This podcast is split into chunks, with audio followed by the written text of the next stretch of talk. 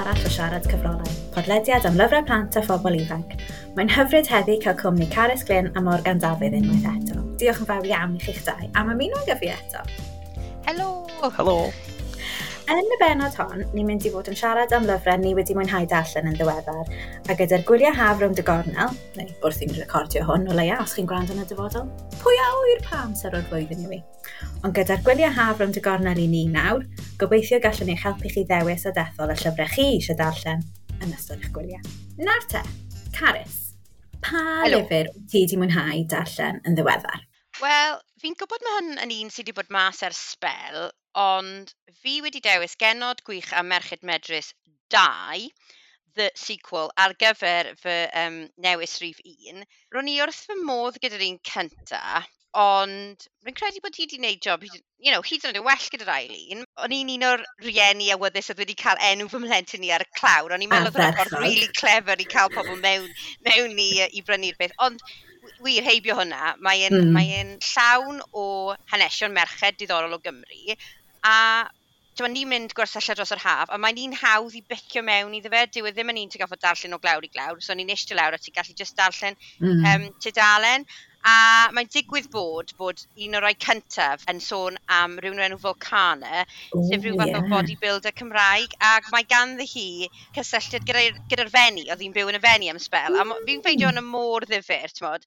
A dyw e ddim wedi mynd am pobl, ti'n mynd darllen am yr un hen bobl, maen nhw'n wir, mae hi'n amlwg wedi gwneud llwyth ymchwil i dewis mm. y pobl mwyaf difur ac mae ganddi lluniau gwych um, telor gwyn, a rwy'n rili really meddwl maen nhw wedi llwyddo i creu brand gyda'i lluniau nhw a'i, ai arddull nhw. Mae'n ffres a mae'n wahanol. A wedyn, ti'n bod, ynddo fe, mae ganddi hi fel ffotograffiau go iawn a mm. mae'r ffordd mae hi wedi ysgrifennu e yn bytiog, mewn boxes. Mae'n llyfr Cymraeg hawdd i gyrraedd, rwy'n credu. Yn arbennig at blant, bys ni'n dweud o blwyddyn 3 i fyny 3, uh, 3, 4, 5 efallai y chwech, ond fi jyst yn meddwl mae'n, ti'n mae gan, gen ti Rachel Rowlands o Rachel's um, Organic Yoghurt, ei hanes hi. Um, o'n i'n hoffi hanes Lowry Morgan, so mae gan i pobl cyfoes a, ac hen. Hmm. Um, ac o'n i'n ddigon ffodus i, i gwrdd â hi, achos dath i lawr i gwyl ysgrifennu y fenni nôl y mis Ebrill, a nath hi gweithdi gyda ni, a oedd hi'n sôn amdano nhw, a oedd hi'n, oedd hi uh, oedd hi'n awyddus iawn ac yn pan oedd hi'n sôn amdano nhw, oedd yn ddifur iawn i chlywed hi. So os chi'n cael cyfle, ewch ati.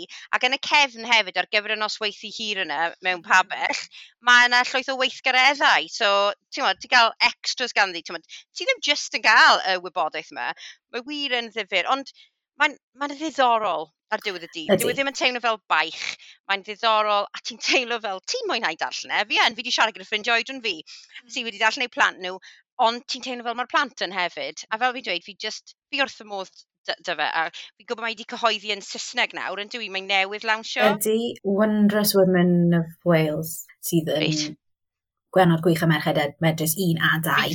Un. Mewn un o, llyfr. Un a dau, mewn un llyfr? dau, Ie. O, okay. Gret, fi, a pob lwc iddi, fi'n credu bod yn hollol heiddiannol. So, fy newis cyntaf fi yw Genod Gwych a Merched Medrys 2, gan y Lolfa a Medi Jones Jackson ewch i'w brynu hi a pacio hi yn y ceth.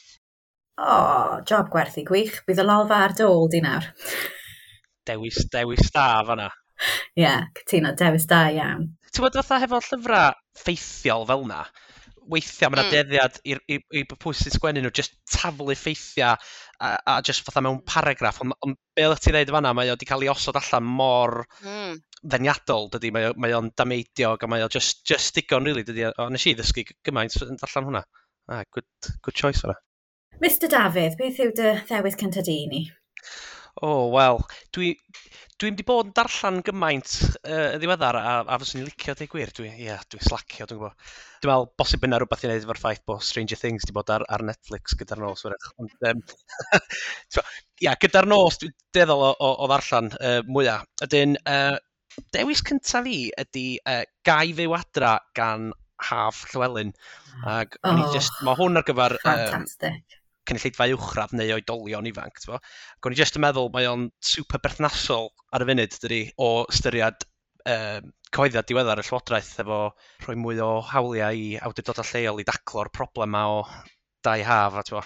mae o'n broblem sydd yn effeithio arna ni, tywa, a, a mae ma nofel yn, yn, yn cael ei osod yn 1981 adag Meibion Glyndŵr. Ac mae'n adlywyrchu y sefyllfa heddiw wrach bod tai ddim yn cael ei llosgu heddiw, gobeithio, ond maen nhw, twa, yn sicr mae'n anodd iawn i bobl lleol gael tai. So ni'n meddwl bod hwnna'n andros o berthnasol, so nes i fwynhau hwnna. A, a mae o'n codi cwestiynau hefyd, achos di o ddim mor... Tywad, dwi fatha wyrach weithiau'n deddol bod mor eithafol Gymraeg a, fatha, a, a weithiau mae angen, mae'r nofel yn atgoffa chdi, wel mae yna ddau ochr i'r stori, twa, ac oedd un o'r y tad, un o'r cymunedau yn gweithio yn cael ei fywoliaeth o'r diwydiant twristiaid wedyn oedd ei deimladau fo wyrach fwy, fwy cymysg. So ni'n meddwl bod hwnna'n un bach, yn un bach da. So ni'n meddwl sa athrawon Cymraeg yn gweld hwn yn un efo lot o waith trafod a dadlan, de, fatha creu dadl ddosbarth wedyn o hwnna. Beth yw oedran y, y brif cymeriad uh, ti'n dweud ar gyfer gynulleidfa hun, Morgan? Dwi'n yn cofio beth o oedran y cymeriadau Llinos a Dafydd, ond swn i'n dweud maen nhw'n gwpl ifanc sydd yn Maen nhw'n i geiniau cynnarish, fi'n credu. Ydyn. A maen nhw'n byw efo'i rhieni a maen nhw'n awyddus i gael tŷ hunan. Tŷ yn nain, ond mae yna rhyw ewythr sydd efo cynlluniau arall i, i, i werthu'r tŷ fel tŷ haf neu rhywbeth wedyn. So, dipyn o densiwn teuluol yma fanna. Mae hwnna'n nofel yn anarferol iawn nes i ddarllen mewn un sitting. Fel arfer wy'n hoffi oh, okay. gwneud i lyfrau bara, ond oedd hwnna oedd jyst rhaid fi orffen e achos mae'r mae sgwennu mor dda. O'n i wir yn teimlo mewn dwylo saff gyda Haf Llywelyn. Mae sgwennu hi'n hyfryd. So beth oedd yn geri ti ddarllen ymlaen wedyn, ili, jyst allan o ddiddordeb, efo'r cymeriadau neu fel y plot, os e lot o densiwn, acos fel ti'n dweud, mae'n rili really da cael llyfr ti ddim yn gallu stopio darllen, just... Cyfuniad o'r cyfan fi'n meddwl, o'n i... Oedd na chydig bach o ddirgelwch ynddo fe, mm -hmm. sydd fi ddim yn siŵr os ydy'n cael ei ddatrys yn llawn. O'n i wir yn gallu uniaethu ar cymeriadau ac oedd fy empathy off the scale. O'n i'n really teimlo dros nhw ac o'n i'n... Mm. Oedd y sgwennu mor dda, o'n i yna. O'n i yn ei sefyllfa nhw. O'n i'n stryglau brynu tŷ. O'n i'n...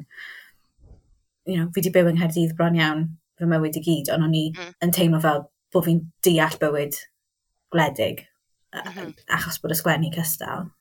Ac oedden ni'n sôn gyda yr oedran a falle, tywa, weithiau dylia ni'n labelu, mor cwic i labelu llyfr fel o ar gyfer... Dwi'n gwybod mae rhaid rhoi rhywbeth i helpu rhieni neu bwyd i, i ddewis llyfrau, ond guidelines ydy hynna ddiwedd y dydd, de, achos... Yeah. Mm. A mae yna dipyn rwan o fwy o'r pethau mwy crossover yma sydd yn... neu, neu yeah. fwy sydd yeah. yn pontio rhwng ddau, dydyn nhw'n cweith yn ffitio mewn i sawl yeah. categori. Beth arall sy'n ddiddorol gyda'r un yna yw'r clawr. Pan weles i bod y llyfr yna'n dod allan a gweld y clawr a gweld y testyn, o, llyfr oedolion yw hwn. Mae rhaid i'r clawr fod yn, yn, dda, yn does. Bod, um, mae rhaid i'r clawr fod yn spot on. Mae yna lot o gystadleuaeth rwan. O'n i'n berniadu e, darllen dros Gymru yn ddiweddar, bod, a lot o sgyrsiau hefo disgyblion, ma'ch disglair, a, a, a, a lot o'n nhw'n deud, a brwdfrydig hefyd, ond lot o sôn am pa mor bwysig ydy clawr de. Um, mm. a, a weithiau, rhai fi fod yn onast, ydy bob llyfr ddim yn galon iawn. Ac os mae rai llyfrau dal i fod yn edrych fel maen nhw wedi dod o'r 70au. Mm. Oh, yeah. Dydw i ddim yn deall. Dydw i ddim yn deall pan maen nhw ddim yn gallu gweld e. No.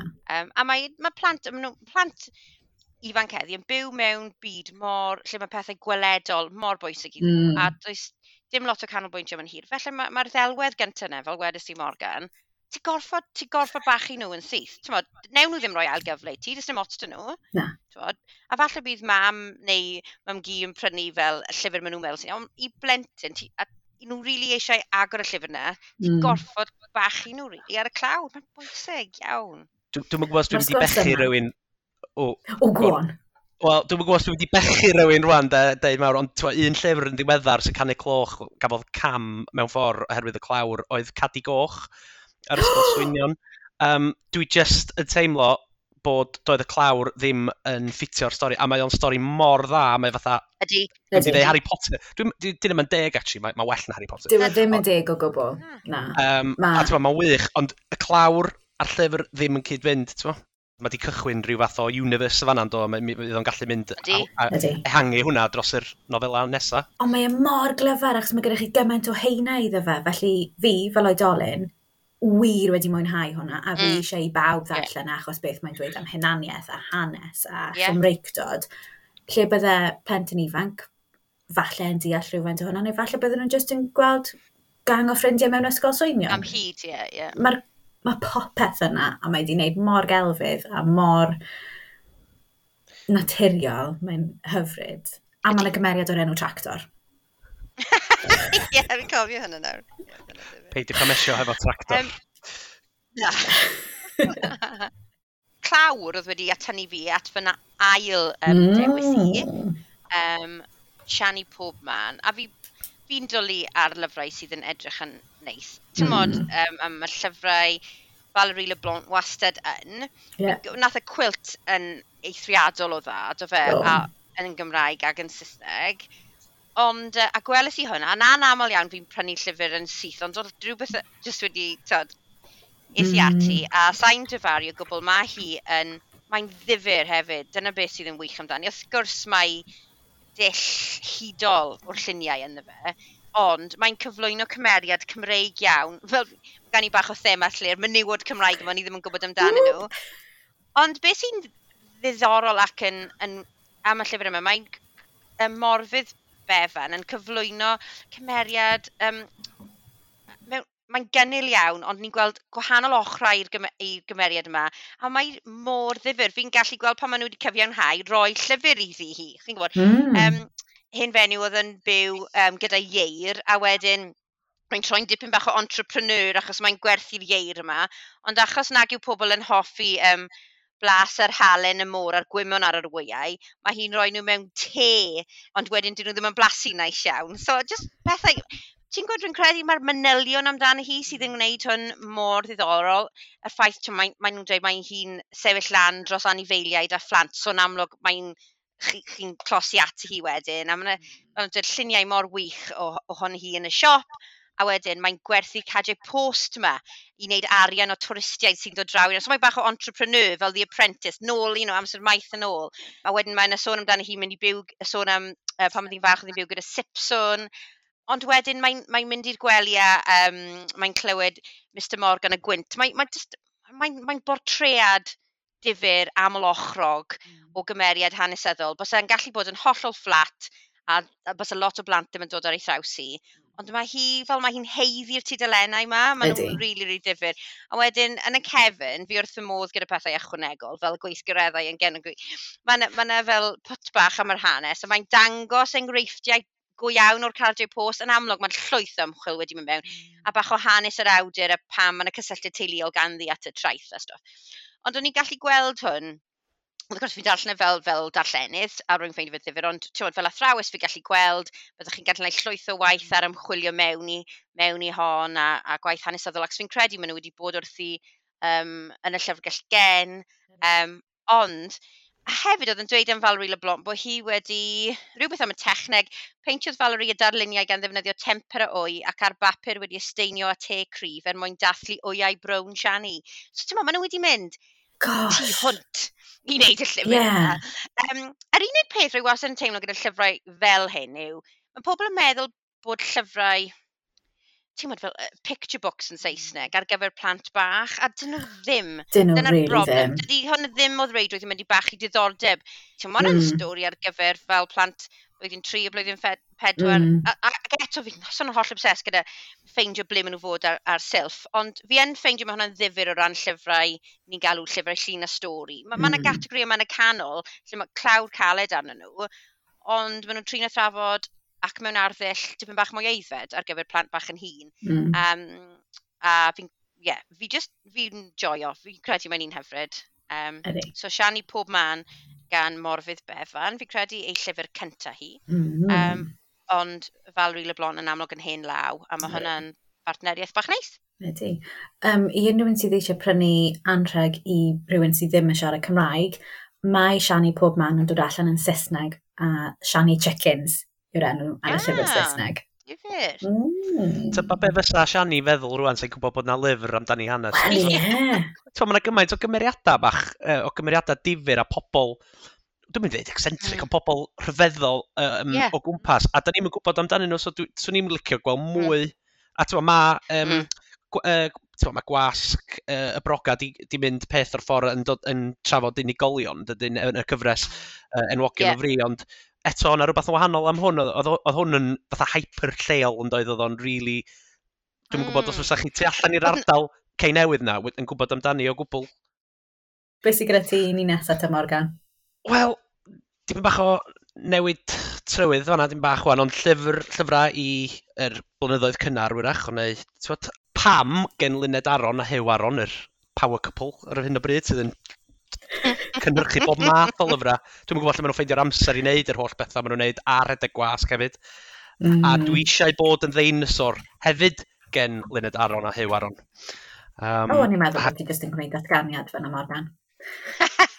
Dwi'n meddwl, mae ma, ma gennym ni gymaint o arlunwyr anhygoel yng Nghymru, ti'n don't get me wrong, dwi'n meddwl bod Hew Aron di cael ei, fatha, di mynd i lefel fatha dyw o ran uh, illustration, book illustrations Cymraeg, di. Llwyth o'i waith o gwmpas, does. Ac no, mae'n mor... Mae'n hwyl hefyd, dydy. Dyna, dyna ydy o, really. Mae'r ma scribbles, mae'r yeah. effaith yna jyst yn... Tywod, a, a, a ia'r hwyl na, ydy pam dwi'n licio, uh, dwi eisiau bod yn ddeinasor, achos mae yna elfen o hiwmor yn efo. Um, ond, ti'n mae'r bachgen bach uh, yn cymaru hun hefo bobl eraill neu eisiau bod yn rhywun arall o hyd. Ac erbyn y diwedd, mae'n sylweddoli fod o'n ddigon fel mae o. Ti'n bod, am, am negas hyfryd, really, achos yn y byd yma sydd ohoni, lle da ni'n rhoi gymaint o pressure ar blant i wneud yn dda, a wneud bod nhw'n teimlo bod nhw'n gorau wneud yn dda yn rysgol a bob peth. Weithiau mae'n neis jyst dweud, na, ti'n beth, ti'n ti iawn fel, fel wyt ti, ti'n A wedyn pam? Wel, fi yna lot o ddadla dros hwn efo ni yn yr uh, panel uh, Gobra Tir na Nog, ddigwyd bod, ac oedd hwn just bron a gwneud ti, ond dim cweit. Ond dwi falch bod o yn cael uh, cydnabyddiaeth, chos mae di gwneud ti ar restr fer llyfr y flwyddyn. Llyfr y flwyddyn. Llyfr y flwyddyn, ie. Um, ia, a, a dwi'n falch hefyd, achos mae'r ma, ma, ma just yr, yr, yr, yr, sense of humour na a'r hwyl, a'r, ar plentyn just yn gofyn pam, achos faint o weithiau mae plant yn gofyn pam, pam, pam, pam, ti'n siŵr bod weithiau gyrru rhieni o'i cod ydy. Ydy, ydy mae e. Um, ac o'n i jyst yn meddwl bod o'n, hyd yn oed, jyst yr, yr llun na ar y diwedd o'r, o'r os o'n lun o'r mam a tad yn eistedd efo glas o win ar lawr. Mae jyst yn, mae'n ma ddoniol yeah. i'r plant sy'n darllen o, ond hefyd, fydra i fel bod yr oedolion yn, yn sy'n cyd ddarllen hwn yn, chwerth, yn cael chycl hefyd, ynddo? So, stori bach neis i rannu amser gwely math o beth. Dwi jyst yn licio llyfrau sydd efo dipyn bach o hwyl yn un nhw, rei, rei ysgafn. Ti'n gwybod, dwi'n gwybod bod yna le i llyfrau mwy dwys, ond dwi'n gwybod, mae yna... Dwi, dwi jyst yn meddwl o weithiau am twa, cyfresu sydd wedi cael ei addasu i'r Gymraeg, fatha super taten er enghraifft, ti'n gwybod? Jyst y lliw a'r hwyl a'r dros benllestri na, Weithiau, dwi'n meddwl, gawn ni fwy o hynny yn Gymraeg, llyfrau greiddiol. Yeah. Ac o'n i mor falch bod hwn yn lyfr greiddiol, achos mae'n ma arbennig, dweud gwir. So, yeah. Dyna beth o'n i'n mynd i cyfrannu. Fi jyst yn credu bod e'n hyfryd bod hwnna'n... bod nhw'n straeon greiddiol, bod y cymeriadau yna'n rhai, yn gyntaf yn rhai Cymraeg. Dwi'n siŵr falle gewn nhw fynd i wledydd eraill, ond Ti'n meddwl, mae'n ffantastig. Yn dyw e? Mae'n maen nhw, maen nhw'n dechrau fan hyn, 'dyn nhw ddim yn gyfieithiad. A es i i siop lyfrau yn yng Nghaerdydd dros y penwythnos ac o'n i'n sganio'r silffoedd lyfrau y Cymraeg ac ma' 'na dal... A mae'n y le ar gyfer cyfieithiadau. Oh my gosh, oes, wir, wir, wir. A rwy'n dwlu ar lot o nhw. Ond mae gweld rhywbeth ffres a rhywbeth sy'n heiddi bod na um, yeah. yn greiddiol. Dyna a bys gallu cystadlu gyda tymod unrhyw beth yn Mm. Mae'n hmm. rhoi hyder i ti yn y, yn y diwydiant wedyn, yn e? A hefyd mae'n codi'r bar ar gyfer pawb. Ond mae'n, fel wedodd Morgan, mae plant bach yn hoffi hwyl. Doedd pryn iawn, dydyn nhw ddim. Maen nhw'n hoffi sili, maen nhw'n hoffi hwyl. Hmm. A, a lliw, a dyna'r fath o beth sy'n mynd i cael nhw i agor llyfr.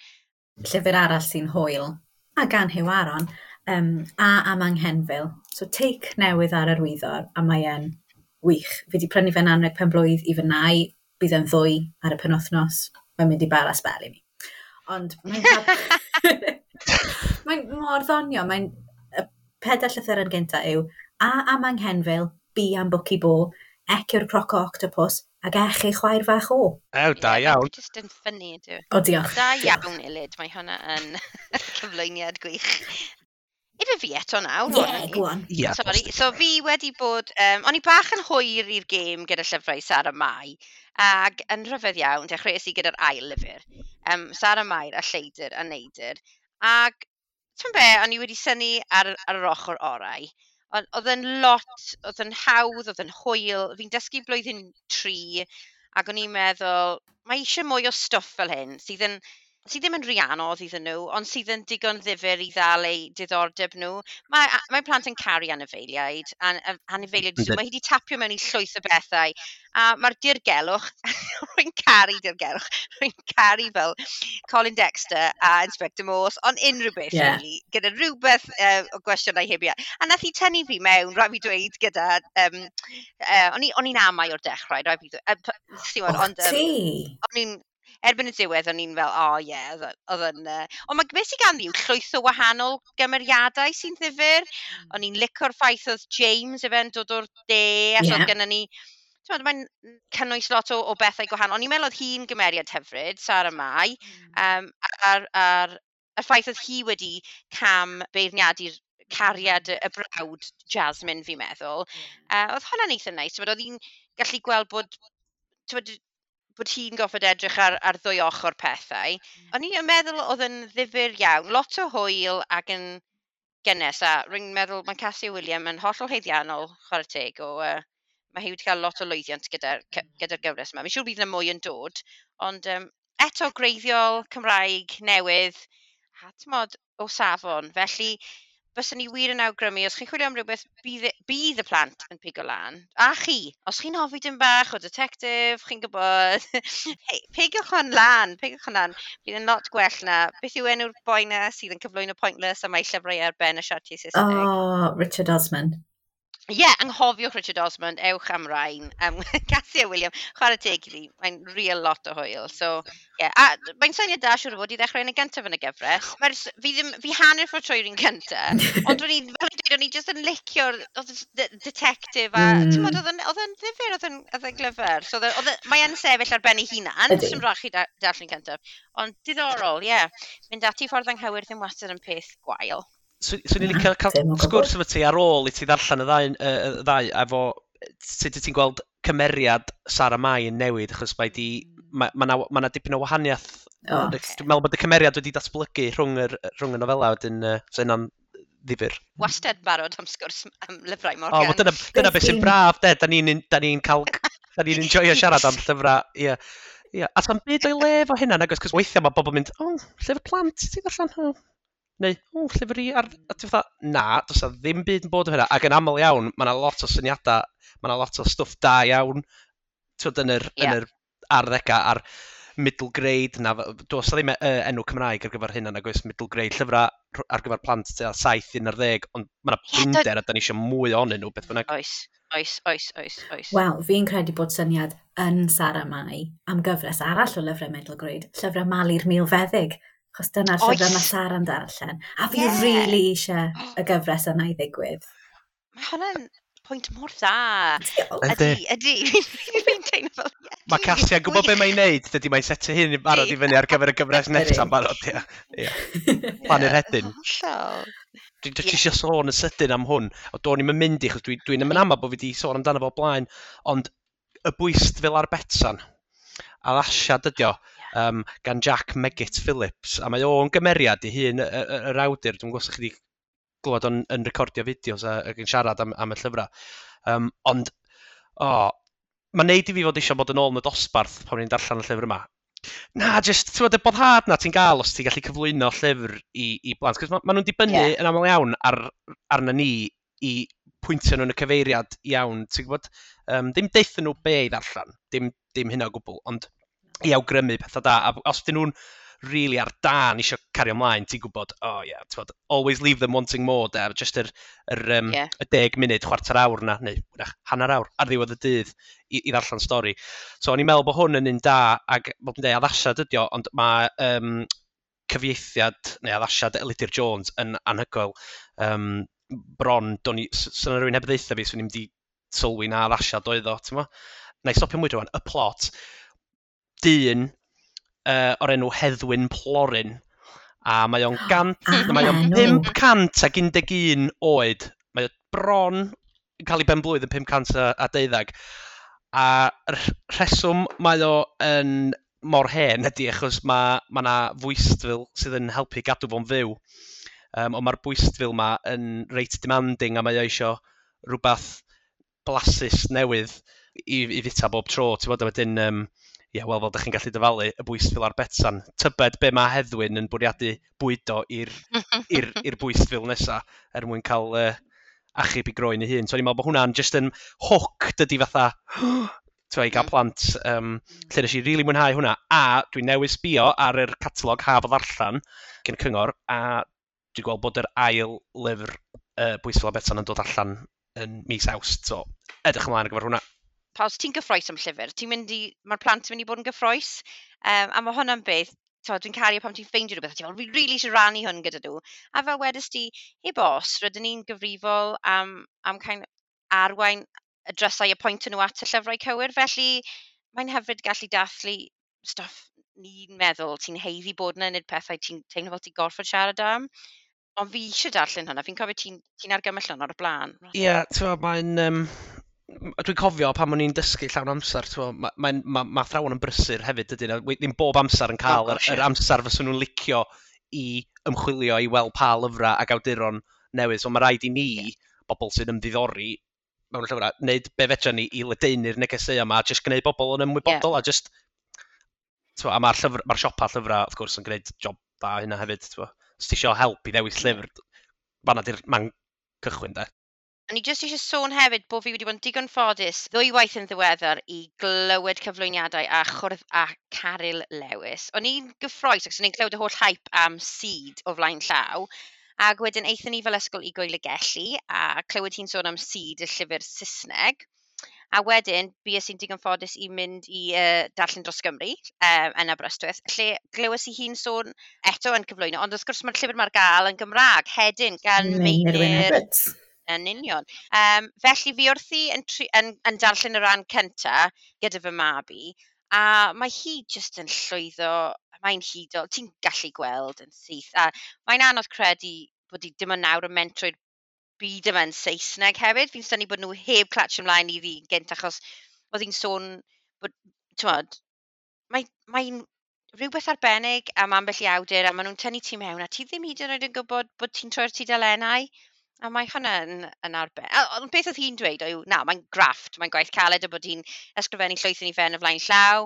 Ond mae diddordeb mawr 'da fi darllen um, Sul ac hedyn i weld timod sut beth fydd y gwahaniaeth fyna. Ond dyna beth sydd un o'r pethau ar fy rhestr ddarllen i dros yr haf yn sicr. A wedyn fi wedi bod, oedd ganddyn nhw arddangosfa gwych yn y ffenest, a fi wedi bod yn gweld hwn lot am Twitter, um, llyfr The Mab, um, Eloise Williams a Matt Brown, ac mae'n twyd, llwyth o awduron cyfoes yn ail ddweud yn Gymraeg ac yn Saesneg um, straeon y Mabinogi. A dydw i heb rili cael gafel yn y Mabinogi'n iawn. Fi'n gwybod ambell un wrth gwrs, ond fi'n teimlo fel nawr yw'r amser i fi. A mae'r clawr mor atyniadol. So, mae'n enfus o borffor a glas a gwyrdd, a mae'n edrych yn gyffroes ac yn fodern. Fi'n fi gyffroes i fynd ati ddarllen hwn, ac mae, mae dyfyniadau o Michael Sheen dros y lle i gyd. Um, a fi'n credu wnaethon nhw... oedd rhaid i nhw codi arian i gyhoeddi hwn neu hun. Fi'n... fi ddim... ma' 'na ryw ryw o ran yr... A dwi'n iawn fyna, Morgan? fyna, Morgan? Oedd o'r fath o crowd... um, Ma' ryw yym, cwmni sy'n gwneud fath o crowdfunding i llyfrau oedd oedd o'n... Ie. Um, a wedyn ie yeah, fi'n hoffi gwaith Eloise um, ta beth, dyna sut nes i glywed amdano fe. Ond mae hwn yn rili gyffroes. ac eto yn yn greu- yn yn Gymreig, Gymreig iawn sydd yn hyfryd. So dyna beth sydd yn mynd yn y bag os chi'n mynd gwersella gyda fi dros yr haf. Mae'r mab yn ddiddorol achos mae'r awduron amrywiol wedi sgwennu straeon nhw yn Saesneg.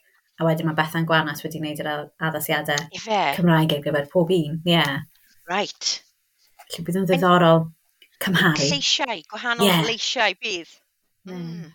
A mae hwnna yn glawr caled, a mae wir yn heiddi'r clawr caled, yn dyfa, e? fi'n meddwl. Ydy.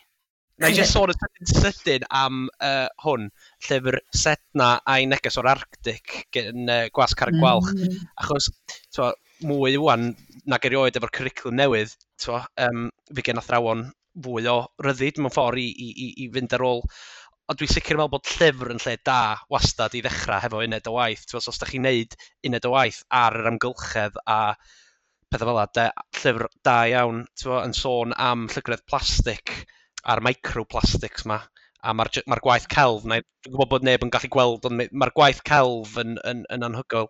Felly, O'n um, i'n darllen am um, y darlunydd yn ddiweddar a darllen am siwt mae wedi gwneud y lluniau a mae wedi, mae wedi wneud popeth ei hun gyda papur lliw, collages papur lliw a mae'r darnau bach o blastig. Mae wedi torri pob un allan gyda thyllwr a glido nhw yn unigol. Waw. Lle, felly, mae hwnna'n gelc o fuddsoddiad o amser yn y yndi, gwaith celf. Mae en. So, so mae hwnna, fe di fwynhau, mae ma yna neges bwysig, ond, ond ia, mae'r gwaith celf, fel ti'n dweud, yn, yn wych. So, Mm. So ia, rhwng bob peth, mae'r pentwr ma o lyfrau dwi wedi ddarllen, ag rei sydd ar ôl i ddarllen yn tyfu, bob sam lle ar ochr y gwely rwan i ddim byd arall, oedd yma jyst pentwr anfarth o lyfrau. Dwi'n gwybod, os ti rhywbeth tebyg, Carys? yn anffodus, wel na anffodus fi'n credu, ond mae'n gwrw cysgo dros fi wrth i fi cysgu nawr, mae'r pentwr mor fawr, rwy'n fel, oh, na. Ond, ond peth da ddo, peth da. Peth gwych. Um, gai fod yn controversial ag argymell llyfr Saesneg i chi, ond Cymreig. Right, okay. um, cer amdani. Llyfr newydd Ellen Caldecott sydd wedi ennill gwobr tir na nog. Do. Yn ddiweddar. Um, The Blackthorn Branch yw enw'r llyfr. Ac mae wedi gosod lan yn y gogledd ddwyrain yn yr un lle ac mae Ellen Caldecott yn dod ohono fe. Ac Mae e'n anhygoel. Mae merched nawr bywyd go iawn yn darganfod anwn. Felly, os chi wedi mwynhau uh, Cadig gwch yr Ysgol Swynion, oh. lle mae anwn yn hwnna, chi'n mynd i mm. fwynhau mm. Blackthorn Branch, mae anwn fan hyn hefyd. Oes, mae yna hyd a lledrith, mae yna ddirgelwch, mae yna antur, mae yna achub. Ond beth sy'n hyfryd ac yn wych i fi yn hwn yw'r Gymraeg. Mae'n llyfr Saesneg, ond mae yna eitha tipyn o Gymraeg ynddo fe, a mae wedi mae Elen wedi plethu'r iaith mewn mor gelfydd, mor naturiol, ac mewn ffordd mor bositif a chroesawgar. Mae e mor eithriadol o glyfar, fi'n credu bod eisiau mwy o lyfrau fel hyn, a fi moyn i bawb ddarllen e er mwyn gwerthorogi just pa mor glyfar yw gwneud hynny. Un y Saesneg arall, The Shark Caller gan Zila Bethel. Mae hwnna'n oh, yn mae'n uh, ni wrth y modd, un arall o'n i ddim yn gallu stopio troi, ac un hefyd ar gyfer yr haf wedi gosod uh, ar ynys just difyr, difyr iawn. A hefyd um, Leslie Parr oedd wedi ennill Tirnan Og Saesneg, do fe? um, ond o'n i wedi darllen ei llyfr hi When the War Came Home. Fi wedi darllen y ddau, ond yr un When the War Came Home yn ddifyr iawn, iawn. Yn well, rwy'n meddwl, na'r un enillodd.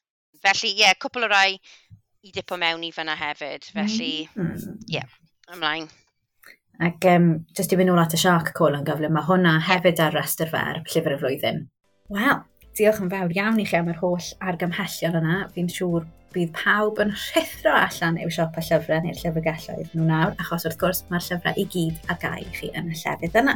Mae hefyd rhestr o'r holl lyfrau ni wedi trafod yn y benod hon gyda'r disgrifiad, felly os chi heb lwyddo i sgwennu popeth lawr, peidiwch â phoeni. Ond dan tro nesaf, mwynhewch y darllen, a diolch yn fawr iawn am rando!